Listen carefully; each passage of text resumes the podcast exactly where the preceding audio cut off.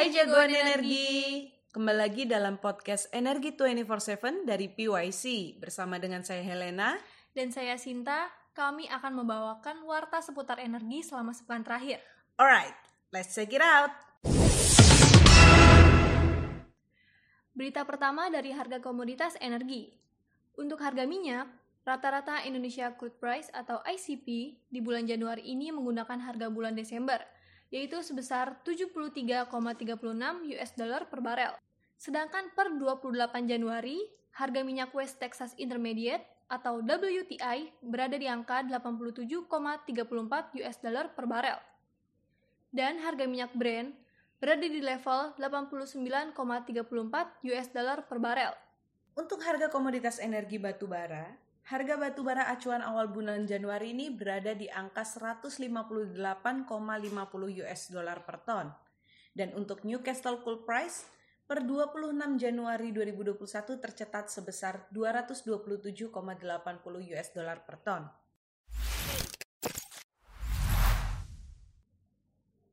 Beralih ke sektor oil and gas. Kufpek Kuwait temukan cadangan gas dan kondensat di Blok Anambas. Berita dikutip dari Kata Data pada tanggal 24 Januari 2022. SKK Migas mengumumkan adanya temuan cadangan gas dan kondensat dari Kuwait Foreign Petroleum Exploration Company atau KUFPEC di sumur Anambas 2X Blok Anambas. Penemuan cadangan gas ini didapat dari pengeboran sumur eksplorasi Anambas 2X dengan kedalaman total 3.200 meter. Kufpek diketahui melakukan dua uji kandungan lapisan di formasi gabus dan formasi intrakeras. Deputi Perencanaan SKK Migas, Beni Lubiantara mengatakan saat ini Kufpek tengah melakukan pekerjaan uji kandungan lapisan atau drill stem test atau DST dengan kegiatan DST sendiri yang dilakukan untuk menghitung besaran cadangan gas di sumur tersebut. Penemuan ini menjadi penemuan pertama sejak blok tersebut dioperasikan oleh perusahaan sejak tahun 2019 lalu. Dengan adanya temuan ini, diharapkan kontraktor kontrak kerjasama atau KKKS di Indonesia semakin semangat untuk melakukan kegiatan eksplorasi. Mengingat prospektivitas subsurface Indonesia yang relatif masih baik.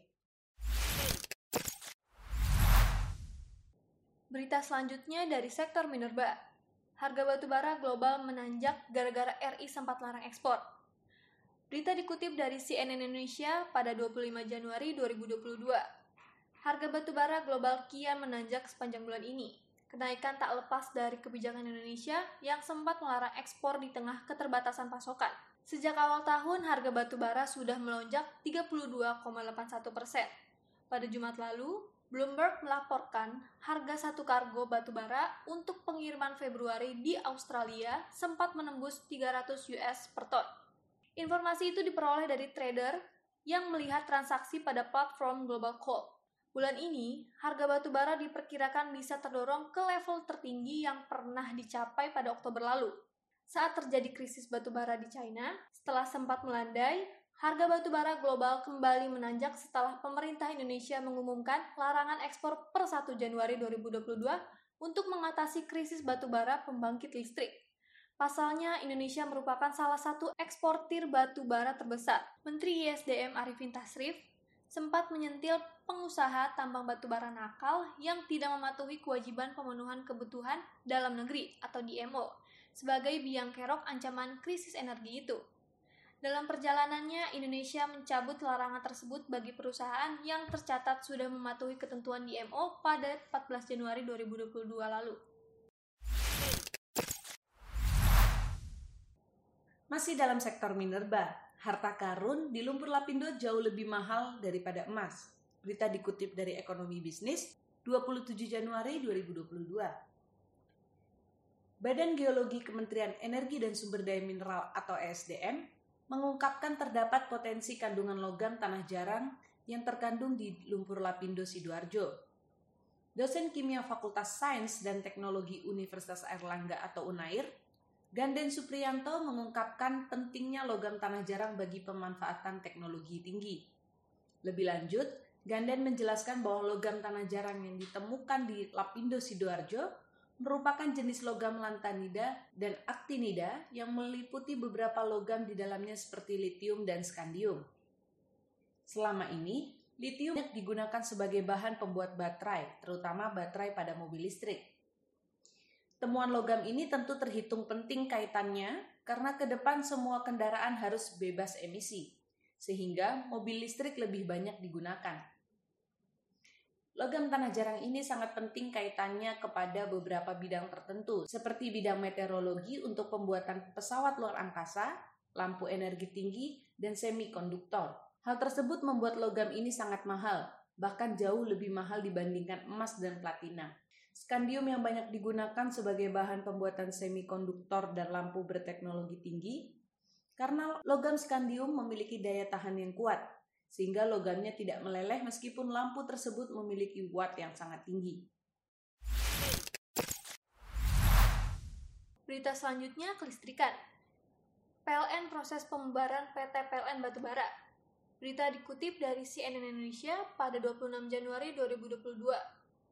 Direktur Utama PT PLN Persero Darmawan Prasojo mengaku dalam proses menghentikan kegiatan operasional PT PLN Batubara atau PLNBB sesuai perintah Menteri Koordinator Bidang Kemaritiman dan Investasi Luhut Binsar Panjaitan. Saat ini langkah-langkah yang sedang dilakukan PLN adalah melakukan audit secara komprehensif, mengalihkan kontrak batubara PLNBB menjadi tersentralisasi di PLN. Keputusan pembuaran anak usaha BUMN ini bertujuan guna menjamin krisis pasokan batubara untuk pembangkit listrik tenaga uap PLTU tidak terulang. Darmawan menyebut proses pengadaan batubara PLN yang sebelumnya dilakukan oleh PLNBB tidak efisien. Darmawan mengatakan pihaknya juga menjamin proses pembubaran PLNBB akan berjalan sesuai dengan Undang-Undang Perseroan. Sebelumnya, Kementerian Badan Usaha Negara atau BUMN tengah mengkaji pembubaran PLNBB untuk tahap awal, pemerintah akan menghitung aset PLNBB terlebih dahulu. Setelah kajian teknis selesai, Kementerian BUMN akan membubarkan PLN Batubara. Pembubaran PLNBB perlu dilakukan demi efisiensi. Selama ini batubara yang dibeli PLN itu tetap dari PLNBB. Artinya, PLNBB membeli dari penambang lalu masuk PLNBB. Setelah itu batubara tersebut dijual kembali ke PLN. Dengan demikian, harga batu bara yang dibeli PLN lebih mahal daripada harga yang dipatok oleh produsen. Pasalnya, PLNBB mengambil margin untuk operasional perusahaan. Oke, jagoan energi, kita beralih ke sektor energi baru terbarukan. Berita dikutip dari Kontan 24 Januari 2022. Badan Geologi merekomendasikan tiga wilayah kerja panas bumi tahun ini, Badan Geologi Kementerian ESDM merekomendasikan tiga wilayah kerja panas bumi di tahun ini. Kegiatan panas bumi untuk tahun 2022 berada di tiga lokasi dengan kegiatan berupa survei pendahuluan geologi, geokimia, dan geofisika di Sumatera Barat, Cianjur, Jawa Barat, dan melanjutkan pengeboran slim hole di Cisolok. Adapun tiga rekomendasi wilayah kerja tahun ini Pertama, survei pendahuluan geologi dan geokimia daerah panas bumi Kabupaten 50 Kota Provinsi Sumatera Barat. Kedua, survei rinci geologi geokimia gaya berat dan AMT daerah panas bumi Tanggeng Cibungur Kabupaten Cianjur Provinsi Jawa Barat. Ketiga, kelanjutan pengeboran slim hole panas bumi di Cisolok Kabupaten Sukabumi Provinsi Jawa Barat. Rekomendasi ini nantinya ditawarkan ke para investor melalui mekanisme lelang. Sebelumnya, untuk tahun 2021, Badan Geologi telah merekomendasikan 8 area untuk survei panas bumi, antara lain di Cisolok, Cisukarame, Gunung Tampomas, Nage, Bituang, Gunung Careme, Marana, dan Gunung Endut, serta Gunung Sembalu. Selain itu, tahun lalu telah dilakukan pengoboran slim hole panas bumi untuk dua lokasi, yakni satu titik di Cisolok Cisukarame dan dua titik di Nage. Terakhir dari climate change. Pemerintah terus dorong CCUS untuk industri migas apa saja manfaatnya? Berita dikutip dari Ekonomi Bisnis pada 27 Januari 2022. Kementerian Energi dan Sumber Daya Mineral atau ISDM menyatakan bahwa teknologi penangkapan, pemanfaatan, dan penyimpanan karbon, carbon capture, utilization, and storage atau CCUS mampu meningkatkan produksi minyak dan gas bumi hingga mengurangi emisi karbon. Direktur Jenderal Minyak dan Gas Bumi Kementerian ISDM, Tutuka Aryaji, mengatakan teknologi CCUS dapat menjadi salah satu solusi bagi Indonesia mengingat CCUS mampu meningkatkan produksi migas melalui NH Oil Recovery EOR atau NH Gas Recovery EGR sekaligus mengurangi emisi gas rumah kaca secara signifikan. Saat ini minat stakeholder, baik dari migas maupun industri lain, untuk mengembangkan teknologi penangkapan karbon cukup banyak di Indonesia. Seperti di lapangan Gundih Sukawati, Sukakemang, Kalimantan Timur, hingga rencana proyek karbon dioksida IGR di lapangan Tangguh.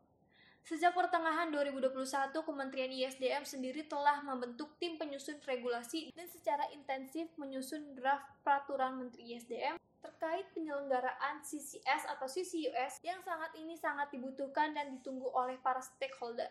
Regulasi itu nantinya akan mencakup aspek teknis, mulai dari penangkapan karbon, transportasi, injeksi, penyimpanan, dan MRV, monitoring, reporting, and measurement, aspek ekonomi dan monetisasi, serta aspek legal yang dibutuhkan dalam mendorong pengembangan CCS atau CCUS di Indonesia. Kementerian ISDM juga telah mengusulkan agar regulasi CCS atau CCUS ini dapat masuk dalam prioritas untuk diselesaikan 2022, sehingga dapat segera diimplementasikan ke subsektor hulu migas. Warta seputar energi pekan ini. Jangan lupa untuk ikuti dan subscribe akun media sosial PYC. Sampai jumpa di podcast episode selanjutnya. Bye-bye.